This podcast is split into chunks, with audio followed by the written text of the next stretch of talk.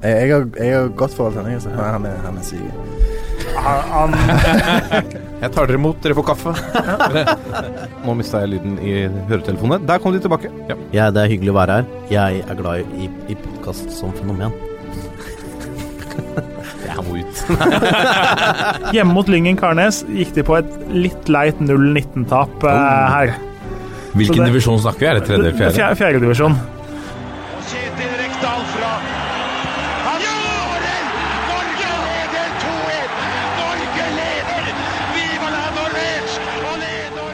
Og der er toppfotball tilbake igjen den 14. mai. Vi må altså gå i studio én dag tidligere fordi vi nærmer oss med stormskritt fotballens festdag, fotballens nasjonaldag.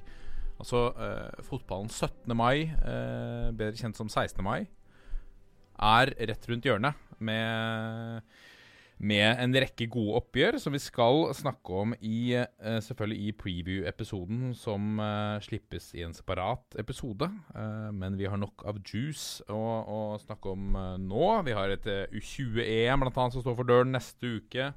Ja, i det hele tatt. Det har skjedd mye i runden som var også. Uh, Jørgen Kjernås, velkommen. Takk for det. Vi skal jo også møtes litt senere i kveld for et annet veldig for, et forrykende oppgjør, må vi kunne tro. Ja, jeg har blitt uh, overtalt til å gjøre comeback på fotballbanen uh, for bedriftslaget ditt, Martin. Så det, det er jo årets signering, vil jeg si. Ja. Uh, kan ikke skjønne noe annet. Nei, vi, vi har jo store forhåpninger, selvfølgelig. Uh, så du tapte tapte 1-6 i første kamp. Nei, vi vant 1-6. Det er eh, Oi, oi, oi. oi, oi, oi. Nå, feil i ja, nå kommer jo prestasjonsangsten litt. Ja. For nå Jeg så for meg nå komme inn for et lag som tapte 1-6 mot et lag som vant 5-1, og tenkte Ja. at det her kan liksom ikke gå mye dårligere. Det er sier klart- litt om nivået også når dommeren bommer på hvilket lag som vinner 6-1. Så uh... Ja, men det Nei da, det blir gøy, det. Uh, Fjerdedivisjon, Ørn Krish, bedriftsidrettslag mot Colombia CF, FC. FC. Altså, Colombia høres jo voldsomt ut. da Man Absolutt. tenker Valderama og Sprilia. og- Ja, ikke minst. Så eh, hvis de ikke har minst én meget eksentrisk spiller, så blir jeg skuffa, kjenner jeg. Det blir eh, Han skal selvsagt takles i knehøyde, skal han ikke det? da? Så absolutt, det- ja. absolutt tas ut tidlig i kampen. Uh, med oss har vi Det er godt å se deg, eh, Joakim Bårdsen. Uh, for anledningen kledelig antrukket i en original toppfotballgenser. Uh, føler du deg Du føler deg bra med genseren? Jeg føler meg veldig bra med denne genseren. Det er jo du som har fiksa både genser og T-skjorter. Så har vi fått tilsendt eh, noen kopper og sånn, så det er jo nydelig å, å ha um, på seg i, i studio. Um, men jeg er jo litt spent på denne kampen deres i kveld. Hva posisjoner er det vi får se dere i? Eh, Jørgen uh, Altså, det er jo litt andre forhold med tanke på at altså, Man må jo ta taktiske disposisjoner ut fra denne gangen utstyret til spillerne. Så uh, Jørgen mangler jo fotballsko. Eh, han har jo den litt ikke uvanlige, men det er vanskeligere på kort varsel å skaffe fotballsko til en med 44,5 i skostørrelse. Men det var, eh, hadde han hatt størrelse 43 f.eks., så er det jo mye enklere. Folk eh, Langt det- flere har skostørrelse 43. Jeg tenker Vi skal vel ikke gå så bredt og vi snakker for mye om dette, men det, dere er glad i å fortelle andre hva de skal gjøre. Eh, når holdt på å si beina ikke går like raskt som man skulle ønske sjøl, så er det Men fotballhue funker nå sånn eh, Så jeg tror jeg skal få kjefta litt på noen forsvarsspillere som jeg kanskje lærer navnet på etter hvert. Ja. ja. Han skal slå mål i joggesko. Høres bra ut. Jeg blir nok eh, en av de som blir kjefta på i forsvarsrekka der. Jeg har troen på, på Kjernås. Ja, Så er det så kom klart- til Kalbakken! Nei. Nei. Det blir et nydelig eh, oppgjør. I, ehm, I dagens sending skal vi snakke litt om eh, litt eh, andre oppgjør. Vi skal en runde innom eh, eh, Bryne eh, og Jæren. eh, etter en eh, oppfordring fra vår eh, faste og trofaste lytter Ruben Wold skal vi gi en liten preview på Bryne Byåsen.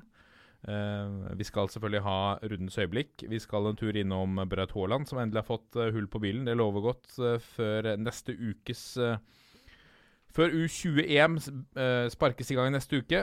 Eh, og så har vi fått en rekke lyttspørsmål som er interessant å gå, med, å gå inn på. Um, og så har vi kanskje noe fra breddedypet til slutt i Breddenytt, Kjernas. Litt har vi. Nydelig. Dette er toppfotball. Da har vi kommet til rundens øyeblikk, og vi begynner med deg, Joakim Bårdsen. Ja, det er en mann som uh, har slitt med spilletid uh, både i Bergen og Oslo. Uh, litt pga. skader, uh, litt fordi at Lars Arne Nilsen ikke hadde særlig tro på han i Brann. Men nå, Daver Vega, endelig fått gjennombruddet sitt i Vålerenga, kan man si. Eh, starter bort mot Ranheim eh, fordi eh, Abu er ute med karantene. Sjala trekkes ned eh, og inn sentralt. Og svarer med å skåre to helt fantastiske mål. Eh, vanskelig egentlig å velge hvilket av de som er eh, det største øyeblikket. Denne vinkelen er jo ja, altså, det er den jeg må lande på, fordi da mottar han ballen, vender vekk en spiller, dribler en annen to ganger, og så bare bøyer han i vinkelen. Det er sånne mål du ser på Premier League-nivå. Så det, det er ren klasse, og det samme er det andre. Og han får vist eh, hvor god han kan være, og hvor mye han kan bety for Vålerenga denne sesongen, som eh, nå eh, virkelig har fått eh, sving på sakene.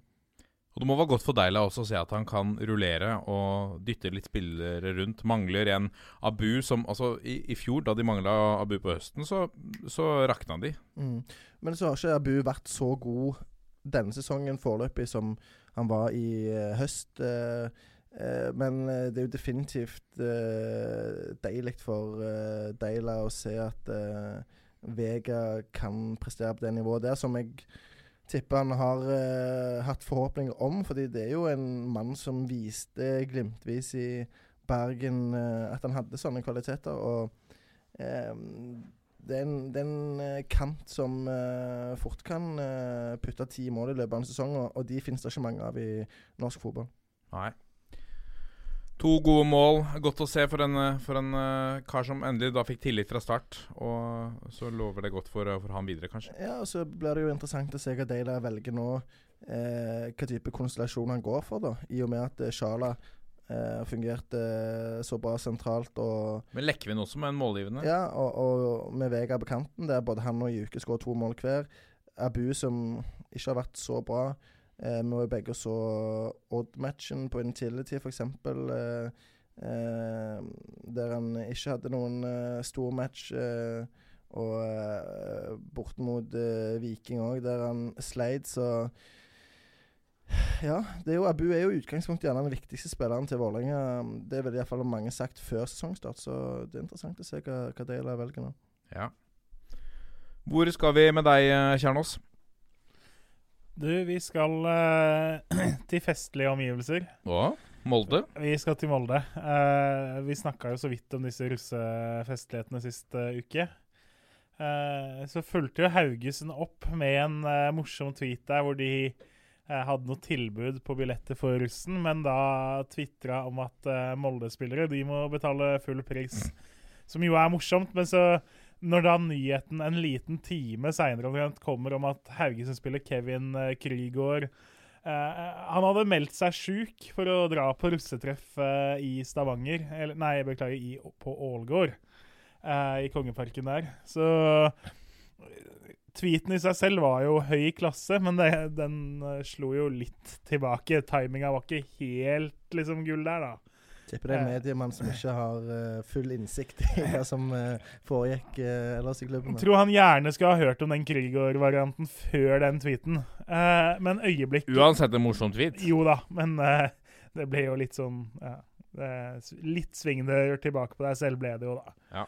Eh, øyeblikket mitt er definitivt å se Vegard Hansen i russebilen, eh, som de fleste som er på Twitter, i hvert fall, og andre som følger med på internett, har fått med seg. Hvor eh, Først så la han vel ut et bilde hvor han da skrev 'Hvor er det russen møtes i kveld?' eller noe sånt noe. Eh, og så en time seinere så får du da den 12-13 sekunders videoen av trener Hansen i en russebil, og han ser jo ut som han koser seg glugg i hjel. Altså, han har det der enorme gliset som eh, Altså, han ser ut som han kunne tatt en Molde-spiller eh, uten eh, navn. Holdt på å blitt med hele kvelden, ser det ut som. Men eh, han sa vel at det var vel et minutts tid han var inne i den bussen, at det var litt impulsivt fordi de møtte dem på en bensinstasjon. Men det er helt nydelig humor før en sånn kamp, og det Selv om vi på en måte var litt fordømmende mot uh, vurderingsevnen til disse Molde-spillerne, så blir liksom det er jo ikke så alvorlig, det som har skjedd. på en måte, og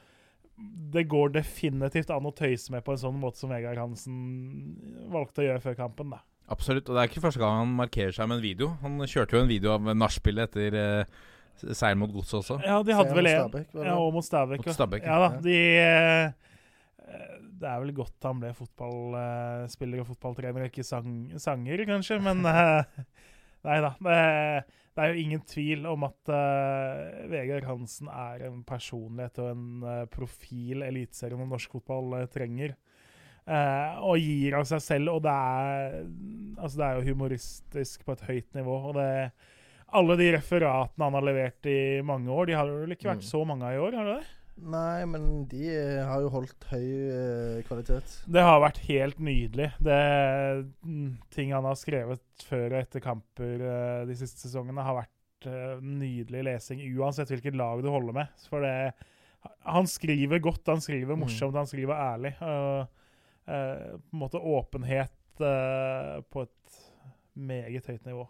Ja, Som vi ikke er vant til like mye eh, Nei, altså, nå jo, i 2019. Det er jo sånn som du ser eh, eh, amatørklubber holde på på måte med å sende stikk eh, mot hverandre, gjerne tredjedivisjonsklubber eller hva det skulle være. sant? Eh, og så tør på en måte Vegard Hansen å gjøre det i Eliteserien. Og, og han er jo overhodet ingen amatør. Det er ikke Mjøndalen heller som klubb. De er eh, veldig profesjonelle eh, når de skal være det, men samtidig så, så tør de å og ha det moro og ufarliggjøre en del situasjoner uh, utenfor banen. da. Det er jo bare til å Det koser seg med egentlig å, å hylle, selv om uh, det er nok uh, noen av og til rundt omkring i Fotball-Norge som eh, hisser seg litt opp, tipper jeg. Eh, Det er nok ikke alle i Molde som uh, syns det er like morsomt, men eh, det må de tåle. Ja, det handler om å by på seg selv, og det gjorde de. De åpna opp hele garderoben og bød på Mm. seg selv gjennom eh, serien Alle gutta også. Som jo gjorde at hele Norge fikk et litt annet forhold til det fotballaget. Og nå gjør de det ja, De gjør ikke det samme, men ved å gjøre sånne ting, da, så gjør det jo til at det styrker jo lille på en måte Lille Mjøndalen som klubb, eh, og gir de et, et navn i hele Fotball-Norge. At alle får et forhold til de. Ja, og, og ikke bare sånne stunt som jeg Hansen gjør her, men bare klubben generelt. At de tør å by på seg sjøl, som du sier. Det er jo et Annerledesklubben, de har jo Ja. kalt seg det selv. Ja, å by på seg sjøl, det er jo et slitt uttrykk, men uh, de er ikke redde for å si hva de mener. Og, og de lar eh, folk bli kjent med dem og få et forhold til dem, og da uh, blir det automatisk eh, større interesse for hva som skjer i og rundt eh, Mjøndalen. Og det er jo bare positivt for eh, alle involverte. Absolutt. Jeg kan ta med et, eh, et øyeblikk eh, selv. Um, vi skal til uh, Alfheim, og vi skal til uh, Tromsø-Odd.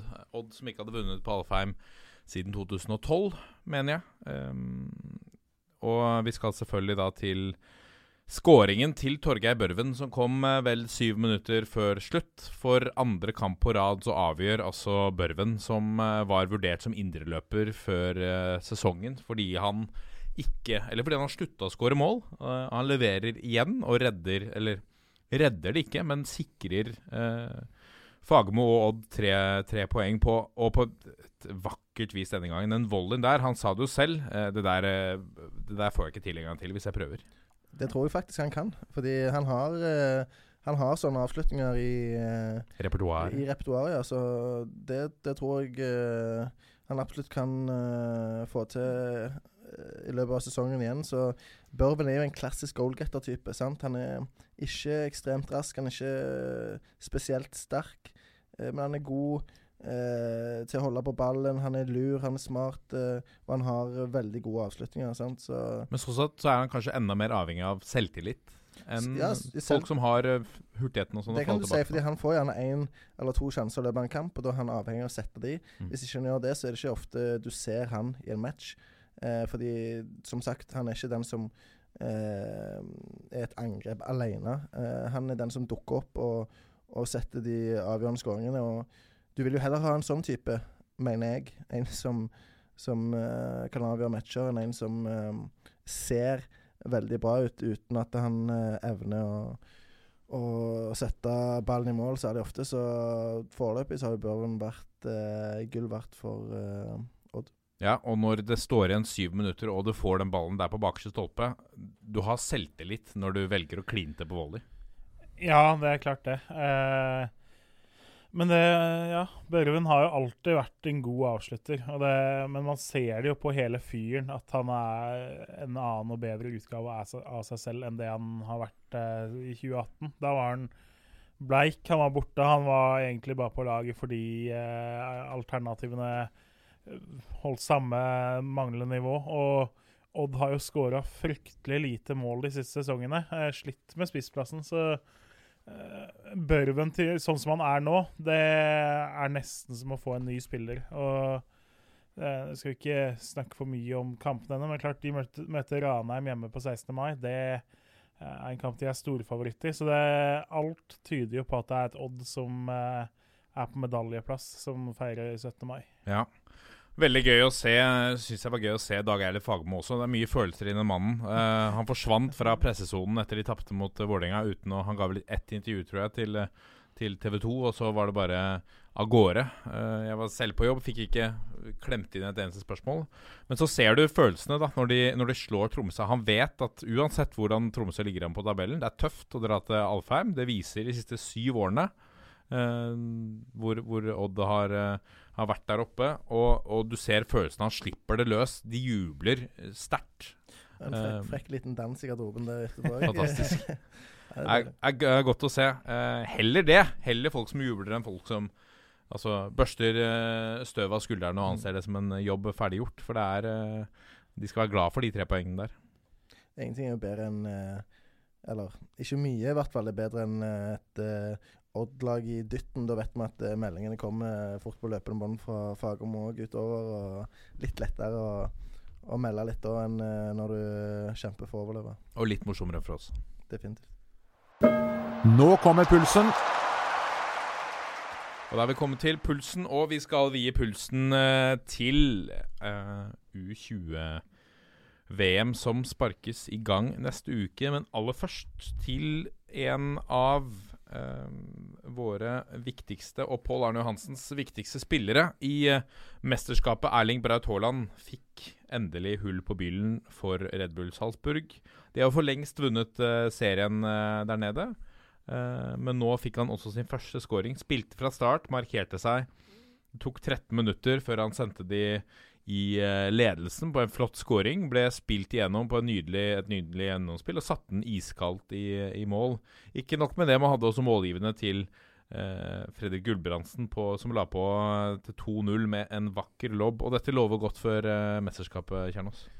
Ja, det er klart. altså Haaland var jo den store forskjellen for det her laget i fjor, da vi kvalifiserte oss først til EM, og så da det ble femteplass til slutt, som gjør at vi er med i eh, VM nå. Eh, så har han jo ikke spilt all verden til minutter så langt i Østerrike. Eh, han spiller for et mye bedre lag, et lag som ikke denne sesongen, men sist sesong kom til semifinalen i Europaligaen. Som har mye gode spillere, som viste på Lerkendal at uh, det er et lag som holder skyhøy klasse. Uh, og da stilte de med mye av reservene? Ja, ikke sant. Og, så det er jo ikke noe lag hvor du får sjansen bare fordi at du er lovende og henta for en ganske god sum penger. Eh, han må jo faktisk bevise for å spille seg inn på det laget, og det har han helt sikkert vært klar over. Men for Norge U20 sitt, sine muligheter, så, så, klart det hjelper på at han eh, har fått kommet i gang da, i eh, Østerrike. Og så, så, slipper man jo da at sånne journalister som Joakim, som skal ned til mesterskapet, på en måte eh, kommer med spørsmålet ja, det har blitt null mål. For nå er det tross alt i hvert fall ett mål da, som han har fått scora. Litt sånn, så selv om liksom Selv om han kanskje eh, hadde håpa liksom på mer av han, da, så eh, er han i hvert fall så smått i gang. Er, han er ikke på null. Nei, og jeg var jo nede og møtte Erling Braut Haaland rett etter han hadde flytta til Salzburg. Eh, han hadde vel hatt sin første trening med laget, tror jeg, eh, da jeg traff han og, og Alfie eh, der nede. Og, og, da hadde han jo nettopp eh, kommet tilbake fra en eh, ankelskade som han pådro seg i Molde, som holdt han ute av, eh, av eh, sesongavslutningen i Norge. Så han har jo vært nødt til å trene seg opp og, og, komme tilbake i god form. Og det er jo ikke lett å komme til en ny klubb når du ikke er match fit. Eh, Iallfall ikke når, du, når det er et langt, eller et stort steg opp, eh, som Salzburg er. Eh, og eh, han visste at det ville bli ehm, en stor utfordring. Eh, de hadde jo, eller de har jo eh, en spiss, eh, Monas Dabur, en eh, israeler som eh, eh, har vært uh, jakta av eh, mange storklubber i Europa. Eh, han visste jo om det da, og, og så for seg at han gjerne kommer til å forsvinne, noe som vil gjøre ting lettere eh, fra og med neste sesong av. Og det har jo vist seg å stemme. Han har signert for Sevilla, eh, så han blir en konkurrent mindre. Fredrik Gulbrandsen han eh, vurderer jo òg å gå videre nå til sommeren, eh, så eh, det vil eh, bli langt bedre muligheter for spilletid for Haaland. Og jeg er ikke bekymra for han i det hele tatt. Han er så hardtarbeidende og, og virker så Han er 18 år også. ja, sant? Og han, han virker så fornuftig, samtidig som han har de ferdighetene han har. Og han kan fort levere et kjempemesterskap for Norge nå. Han er jo eh, definitivt, eh, sånn som jeg ser det, den viktigste spilleren. Du har jo selvfølgelig Leo Østegård, som eh, var eh, kaptein i enkelte eh, kamper for Molde under Solskjær, selv om han var 17 år. Og, og gjorde det veldig bra på lån til Viking eh, i fjor eh, vår. Eh, han er i Brighton nå, og selvfølgelig en stor profil, men eh, Erling Braut Haaland med den fysikken og, og de ferdighetene han har, så kommer han bli eh, den, eh, den store spilleren for Norge i Polen. Kan han bli solgt, da? Hvis han blir toppskårer? Nei, han er allerede i en så stor klubb at det, det er ikke noe salg eh, det, det, det tviler jeg sterkt på. Da skal, han, eh, da skal det skje noe helt spesielt. Han sa jo nei til Juventus eh, før han signerte. Tenkte bare å høre på det. Ja, han sa nei til Juventus. 17 år, sier nei til Juventus. Eh, og det var fordi at han ville gå til en klubb der han kunne få eh, spilletid på A-laget ganske kjapt. Eh, det trodde han ikke var like lett i Juventus, naturligvis. Han sa nei til Bayer Leverkusen. Kunne gått til Bundesliga, var interesse for Premier League. Eh, men han eh, valgte eh, å være eh, fornuftig, kan man jo si. Så um, uansett egentlig da hvordan det går i U20 med han, så med en god sommer nå, eh, og, og bra med kamptrening der, tror jeg han kan få en eh, meget eh, bra eh, sesong nå, den kommende.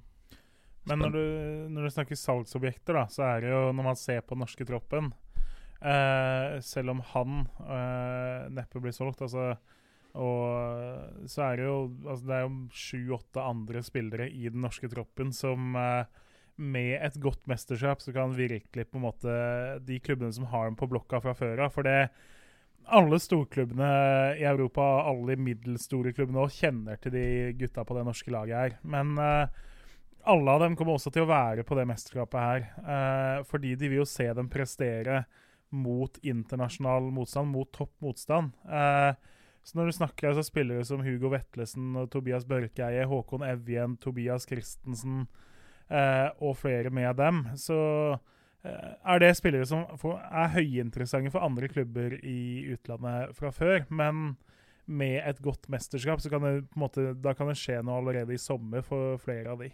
Ja, Tobias Børkeie tror jeg er ferdig i Eliteserien eh, nå til sommeren. Han eh, følges jo av eh, Ajax og PSV blant andre. Eh, det er interesse fra Bundesliga. Eh, Brøndby har allerede fått avslått bud på over 10 millioner for han i, i vinter.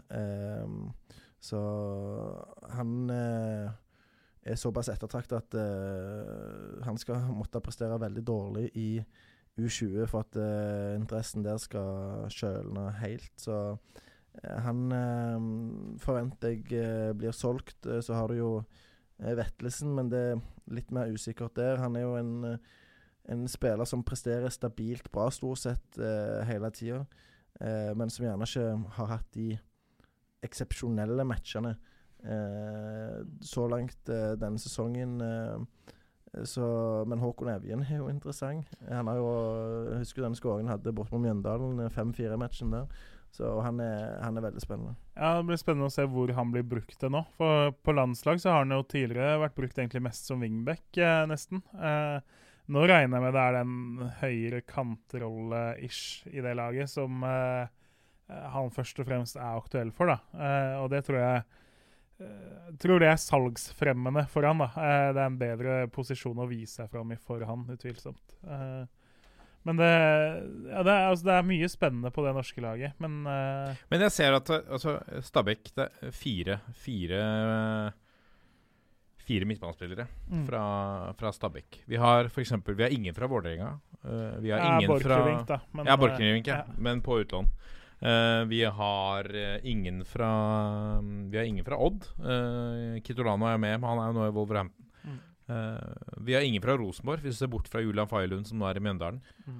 Eh, men det er jo altså ingen trøndere. Ja, Botheim kom jo ikke med, Ja. eh, fordi at han hadde vært uh, skada i, i oppkjøringen, og det var usikkerhet rundt formen hans. Og så har han jo plutselig starta to eliteseriematcher på rad uh, uten at han har gjort det veldig bra. Uh, men han har jo i hvert fall fått tillit av Horneland. Så, um, så det er jo en, en mann som kunne vært med, i hvert fall. Én mann fra Molde, Leo Shiri. Ja. så, eh, og det er klart, men altså, sånne ting Nå kommer det jo et U19-mesterskap òg. Eh, så det er klart, når man snakker Botheim, så handler det jo både for han og Jørgen Strand Larsen, f.eks. Eh, så regner jeg med at begge kommer til å være med der. Strand Larsen har jo vært eh, den helt avgjørende spilleren for det laget. Eh, så har det jo vært sagt at ingen skal spille begge mesterskapene, selv om en del egentlig var aktuelle for begge. Så med tanke på f.eks. Strand Larsen og Botheim og Johan Hove, for eksempel, som kanskje er de tre som er nærmest, eh, så kommer de til å være nøkkelspillere for det G19-laget i EM i det er vel i juli. Eh, så det er mye bedre at de spiller alt. At Strand Larsen og Hove kan gjøre at vi kan gå videre der, enn at de er nummer 14 eller 17 i troppen eh, nå, og så får de ikke være med oss til G19, og så må vi sende på en måte det nest beste G19-laget. Så eh, alle de vurderingene som er gjort rundt eh, de 2000-modellene det gjelder, syns jeg stort sett har vært fornuftig. da. Fordi de som har kommet med nå, de er i høy grad spillere som kommer til å starte, eller i hvert fall er blant de fire-fem som er høyaktuelle for å starte der hvor det er mest konkurranse. Så eh, det er jo et luksusproblem at vi på en måte må velge spillere til to mesterskap. Men eh, de to troppene er jo på mange måter tatt ut litt samtidig. Eh, når man tok ut U20 nå, så tok man i ganske stor grad ut veldig mye av den U19-troppen også, selv om det så klart er konkurranse om eh, de siste plassene i troppen der òg, så er det allerede en 10-12-14 spillere som vet at de kommer med til det mesterskapet. Men det er mange bra typer, syns jeg, i dette U20-laget. Det er jo ofte de som er de største profilene òg. Sånn som Østigård. Jeg syns han var helt fantastiske eh, i Viking. Veldig spent på å se hvordan eh, oppholdet i Brighton har eh, eh, påvirka han. Eh, du har eh, Børkøy som en eh, enorm spiller.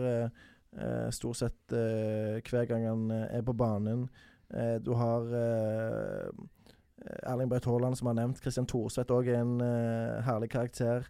Eh, svær eh, koloss eh, på midtbanen der med en eh, nydelig venstrefot i tillegg. Målfarlig.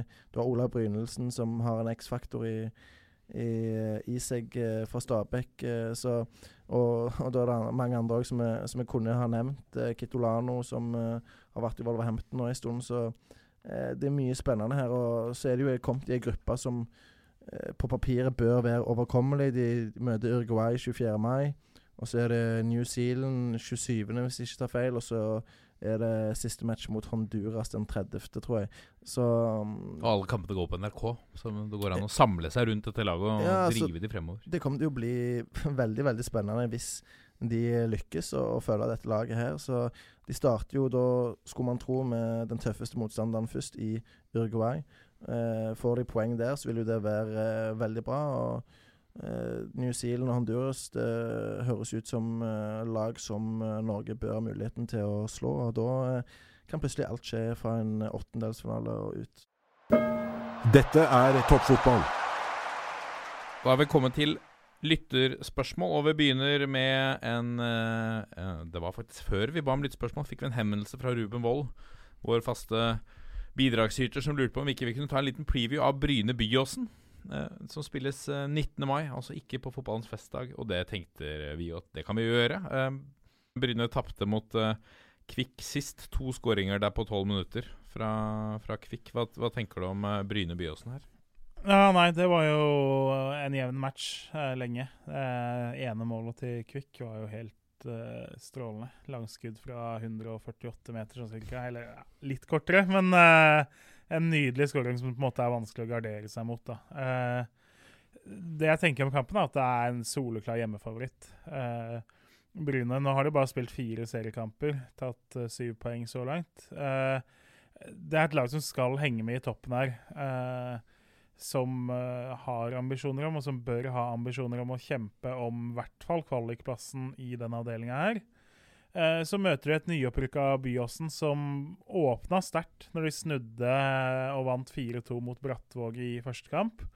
Eh, og så etter det så har måla rent inn feil vei, og Byåsen har tapt fire kamper på rad. Eh, fikk juling med 0-5 i Ulsteinvik, tapte 1-4 for Vidar i forrige bortekamp, og så har de da eh, tapt for topplagene så langt, da Stjørdalsblink og Fredrikstad hjemme, som eh, Ja, for det er viktig å ta med De har, fått en, de har hatt en tøff start med kampprogrammet. Ja, jo, men altså 0-5 for Hødd og 1-4 for Vidar. Det, eh, det er ikke kjempeimponerende. Så selv om jeg så eh, en del av den Fredrikstad-kampen, og det ble 1-0, men det eh, kunne ha vært mer, og Fredrikstad var ganske overlegne i eh, det spillmessige. Så 1-0 var et hederlig tap eh, mot et lag som så ut som de hadde bestemt seg for ikke ta så mye risiko framover eh, som de kunne og kanskje burde. Ja, og så Eh. røyk de ut mot, uh, mot Sunndal, tredjevisjonslaget, i, i cupens første runde, Biosen. Ja, og det er jo liksom nå Man snakker om kunstgresslag og gresslag. Eh, Vidar er jo et gresslag som da fikk stryk av. Sunndal eh, spiller på en fryktelig gressmatt som har vært eh, regntung ganske ofte nå siste måneden. Og så kommer de da til Bryne, som også er gress. Eh, uten å på en måte kunne ha hele diagnosen for Byåsen, så ser det jo ikke ut som de trives veldig godt på det underlaget så langt i år, da. Eh, så nei, dette Jeg blir veldig overrasket hvis det ikke blir hjemmeseier. Og så er det eh, Det er jo en fin kamp å få nå, altså Bryne som har litt tradisjoner. og eh, Det er jo litt forskjellig om lagene spiller 16. mai eller ikke. Eh, så det blir fint å få litt sånn festfotball på, på Jæren nå, potensielt. Ja, de vant jo 2-0 i forrige hjemmekamp mot eh, Levanger, var det. Da fikk uh, spissen Omar El Gauti åpna skåringskontoen i serien. Han skåra jo i 9-0-seieren i første runde i cupen, men han også var ganske lettet, eller Han fikk senket skuldrene litt etter å få den første skåringa i serien.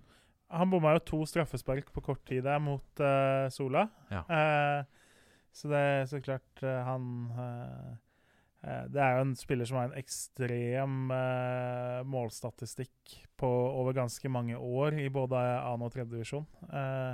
Skårte vel 16 mål i fjor, tror jeg. Så han er henta til Bryne for å skåre 15 pluss mål og være med på å skyte dem opp. Så han, han, han vet hvor målet står, men når du bommer to straffer på jeg tror det var 10-12 minutter, jeg, så begynner du jo på en måte å tvile litt på hva er det som skjer. Ja, det er tungt uh, uansett uh, hvor bra du er og hvor mange mål du har skåret. Uh, I forkant så er det tungt å bomme på to straffer, og det kan jo gå utover selvtilliten til alle. Men som Jørgen sier, han Omar Fonstad er jo en, en goalgetter av rang. og og en type som vi har rost eh, tidligere i dette studioet her, så um, han eh, vil jeg tro blir en viktig mann for Bryne utover sesongen, eh, sammen med mannen vi alle kjenner godt til, Vetle Myhre. Eh, så så Det er sant. Han står uten skåringer så langt. Gjør han det? Mm, okay. Jeg mener det. Okay. Jeg trodde han hadde to skåringer. Men, eh, men eh, Da er det feil på Brynes eh, nettsider, i så fall. Du må, jo, du må aldri bruke hjemmesiden. Bruke. Aldri! Nei, aldri! Men det er, det er mulig det st- stemmer fra, fra cupmatchen mot Men hva kan man bruke? Man kan ikke bruke fotball.no. Man kan ikke Fordi- bruke nettsidene. må bare dobbelt og Ja, men Det er jo feil statistikk som ligger der også. Mangelfull Ja, statistikk. da må du ringe rett til oppmannen i klubben. Ja. Ja, for, altså, Fotball.no stemmer jo stort sett. Det, Ikke sant? Stort sett. Ja, men på det nivået her så stemmer det. Eh, nedover fra altså, annen og tredje divisjon stemmer, for der har klubbene nå fått enda mer PS for at nå skal ting oppdateres. Så nå er det jo krav De skal jo oppdatere under kampene. Klubbene skal ha egen fiksansvarlig som eh, Med en gang en spiller blir bytta ut, utvist, det er pause, eh, kampen er slutt Altså hvem som scorer, hvem som blir bytta ut, og alt sånt, skal oppdateres med med en gang. Eh, nesten alle klubbene klarer det. Det er noen som er fortsatt eh, for svake der. Eh, og dette er jo Jeg syns jo det er fint, og Fotballforbundet prøver å bygge opp uh, den live-oppdateringa si selv. uh, og den fungerer jo ikke hvis ikke klubbene legger inn uh, infoen. Men jeg sjekka godeste Myhre. Han sto med to mål, men det var fra cupkampen hvor de vant eh, 9-0. Så Men det er uansett en Ja, fra cupkampen mm. mot Ålgård. Uh, uansett en deilig liga, dette her. da Nå er det jo Stjørdals Blink som leder, men så har du Moss, du har uh, Fredrikstad, du har Bryne, du har Hødd. Eh, det er ganske store navn. Eh, I tillegg så har du jo eh, Vidar, som er kjente lag for Stavanger. Eh, du har Egersund, som satser hardt. Eh, du har eh, Arendal, eh, som har vært i, i førstedivisjon eh, nylig. Så det er en, en veldig eh, bra og, og fin avdeling, dette. Jeg er jo glad ikke si, tabelltips skal gjøres opp akkurat nå, for det er eh, tror jeg er på en måte 100 plasser unna hvordan jeg tippa. For det du har jo altså, du har Levanger, som er vel på nedrykksplass. Arendal er vel på nedrykk eh, ennå. Eh, og så har du da et lag som eh, bl.a. Vidar da, som, eh, og Moss, som da har starta veldig bra. Eh, så det ser litt ut som jeg har kasta nonstop på tabellen for å tippe ut fra Hvis dette hadde vært fasiten etter 26 kamper, da. Men det blir det jo ikke. Vi går videre til et spørsmål fra Vegard Nummerstad, også han et uh, kjent navn i dette studio. Han lurer på hva er det egentlig som skjer i Strømsgodset? Og hvor lenge vil Odds ballklubb og Bodø-Glimt være i denne flytsonen de er? Kan de ta en Lester og kjempe om medalje? Det siste er jeg si, nesten enklere å svare på. Det er ikke så enkelt å svare på heller, for så vidt. Men det Uh, Ja, Eliteserien de siste 15-20 åra, det er så lenge jeg har helt til dels fulgt med, på en måte, har jo vist gang på gang at uh, lag som er tippa i bunnen, får de litt flyt og ting til å stemme, så er ikke nivåforskjellen større enn at det fint går an å henge med i toppen. Det uh, det er mange lag som har vært tippa nedenom og hjem, som har endt opp med medaljer isteden. Uh, Bodø-Glimt tok vel sølv i 2003. Da mener jeg at de var tippa rett ned. Stabæk med eh, Bob Bradley eh, tok jo bronse, var tippa langt ned. Og det, eh, det var fra toppen av huet. Jeg er sikker på at du finner flere eksempler eh, på lag som har klart det. Eh, begge har en godt innarbeida spillestil. De har eh, vekt liv i spillere som var litt døde og litt borte sist sesong. Eh, som gjør jo at du kan på en måte ikke eh, se bare på overganger. Sånn som Bodø-Glimt er jo stjerneeksempler på det nå. Eh, alle var jo enige om at de er svekka. På papiret var de jo kjempesvekka. Men eh, de har da Ta f.eks. Håkon Evjen. da, Så har han vært ung og lovende lenge. Vært litt skada, ikke fått helt sjansen, ikke helt vært brukt der han vil på banen. Og så plutselig så må han nesten brukes, og så bare glimrer det helt til. Så eh, jeg tror de kommer til å holde, henge med lenge. Eh, spesielt nå, altså, med tanke på at Sarpsborg og Rosenborg eh, fortsatt ser så svake ut, og etter hvert begynner å komme ganske mange poeng bak, da. Eh, så er det jo fortsatt sånn at alle regner med at Molde skal vinne, og så har man lag som eh, Brann og Vålerenga som bør være sterkere. Men eh, jeg blir, sånn som ting er nå, så blir jeg overraska hvis ikke Glimt og eller Odd er med i den medaljekampen veldig lenge. Men for Strømsgodset så ser det jo mye, mye tyngre ut. Eh, det er egentlig de som skulle vært eh, oppe der nå og kjempa om eh, medaljer, men én seier i Ja, Mener du det? Hadde du troa på det før sesongen? Altså, Hvis vi går enda en sesong tilbake, igjen da, så tenkte vi at de kunne være med og utfordre om gullet Ja. mot et Rosenborg-lag som var ledet av Kåre Ingebrigtsen og, og var langt mer solid enn det de er nå. Så om eh, det, det er klart, i vinter nå så var det ikke noe som tyda på at de skulle være med der. Men, Og ikke i fjor heller. ja, men det er jo pga. fjorårssesongen. Men Ja. før fjorårssesongen Ja, Det var var ja. jo en fullstendig fiasko i fjor. Eh, så det er ikke lenge siden eh, vi hadde forventa at de skulle være i medaljekampen. Eh, og hadde de fått en bedre vinter og, og gjort ting litt smartere og, og fått eh, ting på stell, så, så kunne de jo og burde jo de er verdt det. Men nå er det jo fullstendig krise. De har seks kamper på rad uten seier etter de vant mot eh, Haugesund i, i første match. Så um, de har tapt hjemme om Mjøndalen, de har tapt hjemme mot Kristiansund. De har uavgjort mot et uh, vikinglag som uh, hvilte de uh, tre beste offensive spillerne sine. Og de, de har ikke imponert noen.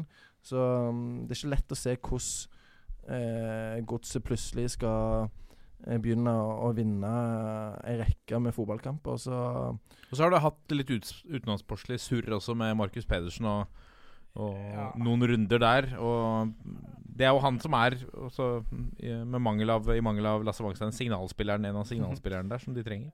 Ja da, de har jo fortsatt ikke helt funnet liksom De har jo potensielt et veldig godt spisspar med han og Moss, men de har jo knapt spilt noe sammen i det hele tatt. Litt fordi man har ønska å spille med én spiss, litt fordi man mener det ikke passer sammen, litt fordi Markus har holdt på med andre ting som ikke har med fotball å gjøre. Eh, som han har fått kjeft for, da. Eh, og så har vi jo påpekt flere ganger før altså den stallen er underlig sammensatt. Det rant over av bekker og spillere som trives sentralt på midten. Og så har man lett etter stopper. Nå hadde Drammens Tidende en sak om nettopp den manglende stopperjakta her. Og da eh, De sikta jo høyt, da. og? De trodde jo at Østigård skulle komme på lån. Eh, De hadde en annen spiller som de hadde håp om, men som da plutselig begynte å spille igjen etter å ha sittet på benken, mente de og sånn. Så, men jeg syns jo det er underlig at, eh, at de ikke prioriterte det og på en måte Hva de skulle inn med Rønning, Ovenstad og Spelmann og alle disse når de hadde en haug av midtbanespillere før.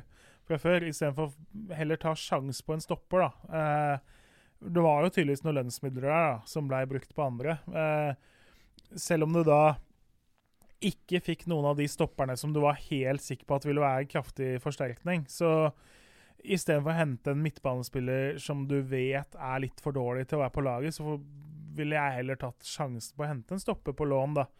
Eh, De hadde jo tilbud om begge disse som eh, Haugesund henta, f.eks. Eh, både han Bergquist og Tidemann Hansen, som de da mente var for svake. Men altså må jo være bedre å hente Bergquist på lån ut juli, da, og så får det eventuelt være en fiasko, da. Men da, da har man i hvert fall prøvd å tette en plass hvor det har Altså, den har jo stått og hylt etter forsterkninger.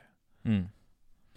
Ja, nei. Så, nei. Hadde vi hatt svaret på hva som, eh, hva som bør endres i Ja. konkret, så hadde vi ikke sittet her. Nei da, men det altså Så har de jo litt sånn tvega sverd nå. Det er jo tre kamper igjen å spille i mai før uh, en liten fotballpause pga. U20-VM. Nå har de jo da Vålerenga uh, borte 16. mai. Uh, det skal bli tøft, sånn som formen til de lagene er nå. Og så møter de da Ranheim hjemme og Tromsø borte. To lag som er omtrent i samme trøbbelet. Eh, tvega sverd fordi eh, det positive er jo at de har faktisk en god mulighet til å ta poeng i de kampene. Eh, de bør jo være bedre enn begge lagene, egentlig. Eh, og så den negative siden. Hvis du ikke vinner, tar de 0, 1 eller 2 poeng i de kampene, eh, så blir de jo liggende der nede. Eh, og da er det ikke sikkert det er så bekvemt å være BP i Drammen lenger da. Nei. La oss gå videre til et spørsmål fra Trym Hogner, mannen bak En av de bak uh, Lillestrøms nye podkast, Harde mottak. Sjekk ut, sjekk ut den hvis du vil ha en uh, Altså Bakgrunnen for uh, Jeg snakket litt med de gutta. Bakgrunnen for den podkasten var at de ville ha en eh, usminket, eh, eh, ærlig podkast om, om fugla. Eh, så den er å, å anbefale. Trym Hogner eh, lurer på Han eller han sier eh, at uh, Er det urettferdig at Åråsen får så ekstremt mye pepper, all den tid matta stort sett har vært en av Nordens fineste de siste 15 pluss årene? Det hjelper jo ikke så mye nå at den har vært uh, blant de fineste tidligere. Så den fortjener jo pepper så lenge den er dårlig nå. Men jeg leste jo Um, denne forklaringen fra banemesteren på hvorfor han var dårlig. Terje Veding. ja, det er jo Det er jo vanskelig å ta han på noe der. Det var, det var slitasje, og det var soppproblemer og, og sånn som, som gjorde at den var så dårlig nå. Men han håpet at han skulle bli bedre ganske kjapt. og det er jo bare til å ønske de lykke til med det, men selvfølgelig så må man jo ha forståelse for at eh, eh, spillere som Mike Jensen reagerer på gressmatta, at han er i den forfatningen han er nå. Ja. De, ja, ja. Altså, jeg, jeg har også lest forklaringa, og jeg har ikke noe kunnskap om å si at det, her- er det, her, det her går ikke, liksom. Nei. Eh, nei, jeg er bare god på å gro- ugress i egen hage. Så det, men uh, det, samtidig så skjønner jeg jo de som er for uh, kunstgress, at altså, det gir dem jo ett skudd til i magasinet. Heter det det? Jeg er dårlig- på skyting òg, jeg, men jeg tror det var riktig språklig bilde. Men, han, eh, si, han sier i hvert fall at de hadde i, I fjor høst så hadde de flere treninger og kamper når det var minus ti grader. Mm. Det er ikke bra for gresset. Da fryser det, det brekker når du trår på det, og det dør, Mm. sier banemesteren. Og så sier han også at etter, der tar han jo litt selvkritikk. da Etter sesongen i fjor burde vi ha sprøytet banen mot sopp, som kommer Mm. under snøen. Men ikke sant, da er jo det Da burde det vært gjort i desember. Du får ikke gjort så mye med det i mars, på en måte. da. Eh, og det er jo samme som da Brann glemte å skru på undervarmen. Eh, og da på en måte Det hjelper ikke at du da tenker oi faen, det her burde du ha gjort, fordi du er ti dager for seint ute til å få fiksa problemene, da. Ja. Eh, så selvkritikk er liksom Ja, det er eh, riktig å, ta det, men det gjør ikke banen bedre, da. Men kanskje den da ser Nå har de åpenbart funnet ut hva øh, han, han mener jo at den soppen er mye av grunnen til at den ser så dårlig ut nå. Så da har de kanskje funnet ut noen ting som gjør at banen i 20, starten av 2020 kommer til å se bra ut. Ja, jeg regner jo med at hvis de vet veldig konkret hva som eh, kunne vært gjort bedre, at de da prøver det neste gang. Det er jo ganske selvsagt. Så lurer også Trym Hogne på hva en spiller er, må gjøre i Molde for å bli satt ut av en kamptropp. Nå viser han sikkert til eh, diverse skandaler som skjedde der i, i fjor, med noen rettssaker, i tillegg til dette russeoppgjøret nå. Eh, men, men vi var jo inne på det i forrige episode. Molde sa at de ville behandle dette internt. Og det er jo vanskelig å behandle det internt hvis du setter ut en av de faste spillerne uten grunn i påfølgende kamp. Um, Ja, de, det har jo vært andre episoder der oppe hvor uh, folk faktisk har blitt satt ut av uh, kamptropp og tatt fra litt kapteinspinn, faktisk, og sånn, når vi går litt lenger tilbake i tid enn bare forrige sesong. Men eh, man har vel også vurdert det sånn da at eh, hvis du så på den benken de hadde nå mot Mjøndalen, skulle du begynt å eh, kutte av et par av de som satt der fordi de har vært eh, og besøkt en russebuss, så hadde det blitt veldig eh, Det hadde blitt nesten russefest på benken, si, fordi det hadde bare vært 18-åringer igjen på den benken isteden, omtrent. Så de har vel rett og slett vært kyniske nok til å faktisk sette sportslig hensyn foran det som kanskje hadde vært en eh, passelig straff, da. Ja. Vi tar et uh, spørsmål fra Anders Hansen på Twitter. Han sier 15. mai, Helgerud 2 mot Husøy og Foynland 3. 16. mai, Husøy og Foynland 2 mot Helgerød. Har Jørgen Kjernas noen predictions her? Altså, andrelaget til Helgerød møter Husøy og Fornlands tredje lag, og dagen etter møter andrelaget til Husøy og Fornland Helgerøds første lag. Kan det stemme? Ja, her gjelder det å holde tunga rett i munnen, tenker jeg. Eh, nei, eh, jeg satt og så litt på tabellen og syntes det var overraskende lite mål. Det, fra min tid i, på nedi, så langt nede i divisjonene, så da syns jeg jeg husker at det var sykt mye mål i alle kamper. Men mm. eh, 3-3 i forrige kamp syns jeg var, det var litt underpresterende. Og, eh, er Av hvem? Nei, dette var vel Husøy og Foynland eh, Nei, det var Helgerød 1, var det. Men eh, eh, Nei, jeg spår at det blir uh, minst én lyskestrekk uh, per kamp. Det blir mål i samtlige fire omganger og eh, eh, minst 17 brente 100 %-sjanser og minst tre totalt uforståelige dommeravgjørelser. Nydelig. Noen som eh, eh, Noen uforutsette hendelser. En katt på banen, en dommer som av og tisse, noe, noe lignende. Garantert et eller annet. eh, helt opp til orkan. Ja. Herlig. Det var sikkert eh, verdifull kunnskap for de som ser frem til en kamp mellom et annen- og tredjevisjonslag i, i, um, i løpet av de kommende dagene. Nå eh, tar vi et spørsmål fra Nordlink, eh, som lurer på om statistikk går foran sunn fornuft og gir de store lagene hjemmekamp 16. mai hver bidige gang, eller er dette tilfeldig? Det er nok ikke tilfeldig at eh, de eh, lagene med størst eh, stadion ofte ender opp med å få hjemmekamp eh, 16. mai. Det er jo disse såkalte publikumslagene som gjerne får det. De som kan trekke mange tilskuere. Så har ikke jeg eh, hele historikken på hvordan eh, eh, På hvor mange kamper de forskjellige har fått, men nå er det jo Brann som har hjemmematch. Du har Rosenborg, du har Viking, du har Odd, du har Vålerenga. Så de lagene som trekker flest tilskuere, har jo fått hjemmematch. Så har du jo eh, Godset, Lillestrøm eh, Molde må dra til Kristiansund. Molde, ja, så må det Kristiansund. Men eh, eh, ellers har du satt opp et eh, derby Tromsø, Bodø-Glimt, så de har jo garantert tenkt det sånn som dette her i NFF. Og så er det jo selvfølgelig kjipt for de lagene som må spille på bortebane 16. mai. Du har jo alltid lyst til å ha den kampen hjemme. og gleder deg til nasjonaldagen eh, etterpå. Gjerne gå ut på kvelden 16 òg og, og kose seg. Så gjør det jo òg mye vanskeligere for bortesupporterne å komme seg på match med en, eh, en sen avslutning der. Og så skal du òg komme deg hjem etterpå rekke 17. mai. Så, så jeg skjønner frustrasjonen, men eh, men isolert sett så ser det jo ut som et eh, fornuftig oppsett, syns jeg.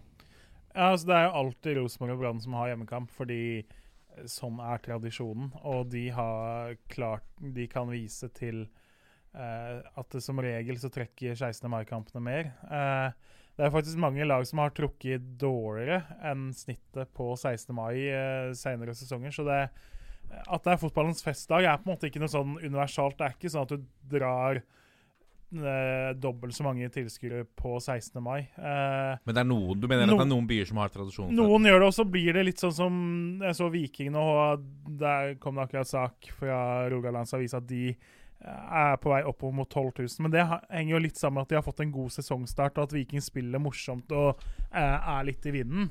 Eh, det er ikke så lett å slå, på en måte konkludere med før sesongen, da. Nei, men samtidig så Ikke meningen å avbryte her, men samtidig så er det en tradisjon i Stavanger for at det 16. mai-kampen henger veldig høyt. Eh, det pleier å være masse russ til stede, og jeg husker gamle dager på um, gamle Stavanger stadion, så krabba alltid russen rundt banen når det var løpebaner. Det, tok, det var en knute som, som de kunne ta. Eh, så det har alltid vært eh, tradisjon for det i Stavanger. og og alltid en, en spesiell stemning på de eh, kampene der. Dette er toppfotball. Og da er det duket for eh, en av mine personlige favorittspalter i dette programmet, eh, Breddenytt, eh, for tiden uten jingle. Det blir gjort noe med i løpet av 2019, eh, får vi tro. Her er Jørgen Kjærlands, Vær, vær så god. Her er jeg. Eh, nei da. Vi, eh, jeg tenkte vi skulle starte Vi skal litt innom fjerde, eller mest innom tredjedivisjon, egentlig. Eh, starter i fjerde divisjon, eh, Trøndelag, hvor da en snodig episode inn, den innfant seg. Nei. Jo, Eh, be, jo skjedde. skjedde. I NTNUI Inn, inntraff. inntraff i NTNUIs eh, kamp mot Rørvik. Fordi studentlaget NTNUI eh, Er det bare studenter her? kun studenter. Eh, så de har jo naturlig nok store utskiftninger, som regel på sommeren, i sommervinduet, at det skjer mest der. Fordi folk eh, er ferdig med å studere eller flytte andre steder for å fortsette studier, og så kommer det nye studenter til byen. Det er altså, eh, Generasjonsskiftet er en helt naturlig del i deres Det er en veldig naturlig del. Og ikke en utfordring. Eh, absolutt. Det, og det er jo litt av sjarmen. Og før det blei veldig strenge regler, så spilte satte de ofte nesten sin ære i at det var elleve forskjellige farger på shortsene til de som var ute på banen, og Nydelig. minst like mange farger på uh, strømpene. Men uh, spilte kamp mot Rørvik, som jo ga Rosenborg kamp uh, i cupen her. Uh, Anthony vant 4-2, men det kontroversielle som skjedde her, er at uh, treneren deres, spillende trener, da, uh, starta kampen på benken. Uh, Blei sinna for en dommeravgjørelse. Sparka til en uh, vannflaske, ifølge uh, lagets egen tweet. Eh, kjeftbruk, ifølge Namdalsavisa. Var vel litt eh, ja, eh, utagerende, så han blei da sendt vekk. Fikk ikke lov til å være trener mer. Men eh, etter litt uh, diskusjoner så ga dommeren tillatelse til at jo da, han er jo på innbytterbenken som innbytter òg. han får lov til å komme inn som spiller. Uh, og du kan jo da gjette hvem som scorer det avgjørende målet for NTNUI i den kampen. Og ble det, blir det protester av dette, eller? Det er lagt inn protest, eh, og det, dommeren har jo også lagt seg flat. Og regelverket slår vel fast at er du vist vekk som dommer, så får du ikke delta i denne kampen. Som trener, ja, så får du ikke delta som eh, spiller. Eh, og på motsatt fall òg, er du spillende trener her på banen og blir utvist, så får du ikke gå på benken og er trener, på en måte. Nei. Da utvist er utvist. Men eh, Namdalsavisa slo vel fast at dette kunne og kanskje burde ende med 3-0-seier tilkjent Rørvik. Det er ikke jeg så sikker på, da. Uten at jeg har på en måte satt meg inn i reglene, så er jo det naturlig å anta at det vil ende i omkamp. Eh, det er jo på en måte ikke NTNUI som har gjort noe gærent når dommeren har gitt dem tillatelse til å sette han innpå. Det er riktig. Da er det jo en dommerfeil, og det, det høres urimelig ut at det skal bli snudd til seier, men at omkamp eh, er en naturlig konsekvens, det tror jeg vel de fleste kan være enig i. da. Ja. Det høres sånn Men, ut. men snodig. Eh, meget snodig. Man, liksom, man sitter jo og venter på det. Eh, det andre vi skal snakke om, da skal vi til Joakims eh, gamle lag. Skal til Vardeneset, som jo spilte kamp. Jeg vet ikke om du har fulgt med ditt uh, gamle mannskap i helgen? Da må du eh, oppdatere meg. Ja, nei, de spilte jo mot uh, Porsche. Uh, det, no, ja, Morten Vadla i mål. ja da. De Jeg satt jo og noterte meg jo før kampen at hmm, For jeg ser jo Noen av oss ser jo gjennom alt av lagoppstillinger i helgene. Eh, så så det ikke ut som det var noe keeper på benken, og det var vel litt naturlig etter at de i forrige match, eller borte mot Vindbjart, så var det vel materialforvalteren som eh, eh, satt på benken. Sto med en kamp langt ned i divisjonen i 2007 som forrige prestasjon på fotballbanen. Så eh, de kom til kamp uten reservekeeper. Eh, Sindre Østbø eh, velger da rykke ut på en lang ball som er helt ute ved sida. Eh, spissen går da forbi. Eh, er på vei på en måte for så vidt mot mål, men det er litt skrått, og han har et stykke til ballen, og det kommer noen forsvarsspillere inn og sånn, men keeperen tar da effektivt og solid og meier ned Porsche-spissen. Eh, får da rødt kort, sånn at eh, Morten Vadla, mannen vi har hylla for de nydelige kampreferatene til laget, han må da ta på seg keeperdrakta og hanskene. Eh, og så tar det ganske lang tid før eh, Porsche faktisk klarer å utnytte det. Ja, for det, det, det føler jeg vi ser ofte at det, at det tar lang Hvis man setter en utspiller i mål, så tar det veldig lang tid før de blir satt på en prøve. Ja, han sa vel noe sånn som at uh, jeg tror ikke helt Porsche fikk med seg liksom at det var en utespiller i mål. At det, de nesten må ha missa at det det. For han sa selv at han var glad det ikke kom så mye skudd. At skudd som kom litt borti hjørnene og sånn, det var ikke helt det han håpa på. Men eh, eh, så hadde en vanvittig redning med å ha egentlig mer flaks og en dårlig spiss. Da, men som en som blir trilla egentlig på åpent mål, og istedenfor å sette den inn langs uh, stanga, så skyter han tilbake på Vadla, som da liksom slenger seg det han er mann for, men fortsatt har to meter igjen til stolpen. da. Så så ut til å kunne gå, men det ble nå tre baklengs likevel. Ja, Morten, eh, Morten Vadla er en nydelig steingal type, så jeg tror nok han eh, omfavna den muligheten til å stå i mål. Eh, så det skulle jeg gjerne ha sett. Ja, han, han måtte vel Jeg lurer på om han måtte det her De fikk jo fikk en keeperutvisning i cupen òg. Jeg lurer på om han måtte på med drakta da. Og han, så det, det skjer mye på keeperplass, tydeligvis, der, da, for da er det store forandringer fra kamp til kamp. Og nå er det jo da eh, karantene på Østbø, i hvert fall i neste kamp. Så om det blir spissen eller materialforvalteren eller juniorkeeperen eller hvem som står i mål, det høres nesten ut som denne fjerdedivisjonskampen vår. det Ja, ja, ja. Bortsett fra det er Kan bli matchvinner der, ja. Kjernos.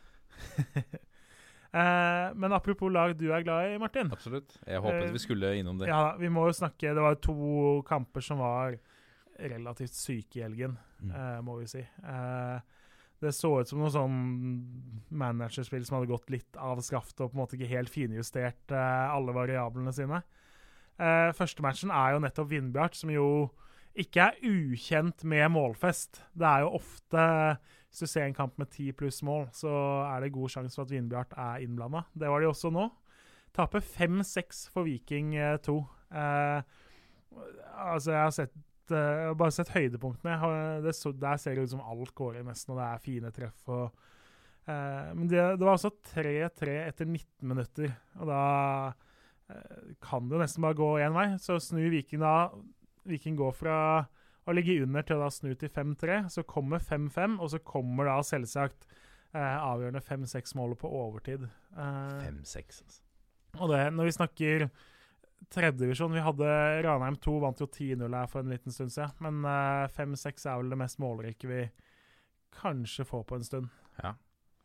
Uh, og den andre kampen var jo da selvsagt Drøbak-Frogn-Ørn Horten, som du sikkert kan Absolutt. fortelle oss mer om. Men det Jeg var jo ikke der i Drøbak, eh, eh, og jeg fikk eh, ikke sett hele kampen. Jeg streama høydepunktene, eh, men jeg fikk opp varsler om, eh, om, eh, om pauseresultatet. Da sto 0-6.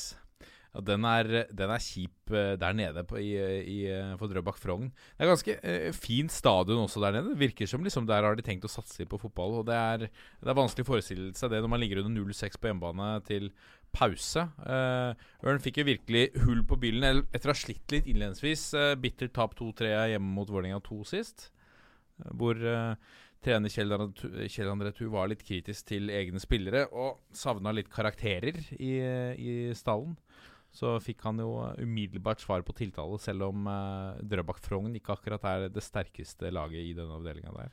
Nei, altså Drøbak har jo kanskje vunnet NM i schizofren seriestart. Ja. Fordi det var da De sparka jo Teitur Tordarsson, har en anstrengt økonomi, kommer fort til å slite. Eh, har slått Reddy og Grei, som er to andre lag som fort er nede i bunnstriden. Og så har de da tapt 1-7 og 0-8 for Lyn og Ørn Horten i de to andre 1-8, tappa. ja. 1-8, selvfølgelig. 1-7 og 1-8 i de to tapene. Så eh, de står med seks poeng og har på en måte tapt mot to lag de regna med å tape mot, men likevel så taper du og slipper inn 15 mål på to kamper. Det, det er vanskelig å være helt fornøyd. Men er det eh, på en måte Markerer det da Det det er fristende å tenke at det markerer styrkeforskjellen mellom topp og bunn i, i tredjedivisjon. Er det eh, seks-syv mål forskjell på, på de beste og de dårligste? Ja, ja, altså det var jo ofte det med tolv avdelinger, så fikk vi jo ganske ofte de resultatene.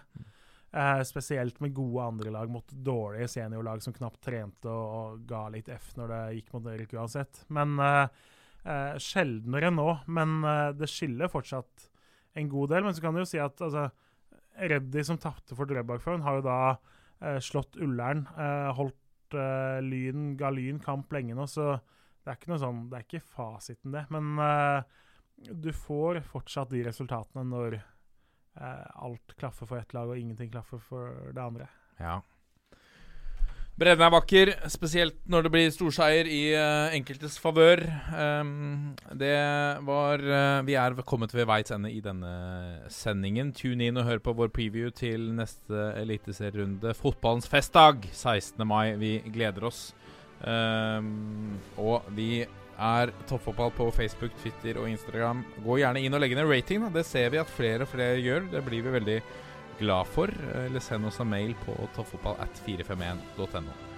Så avslutter vi på 1, 2, 3. Vi er en gjeng! Ha det!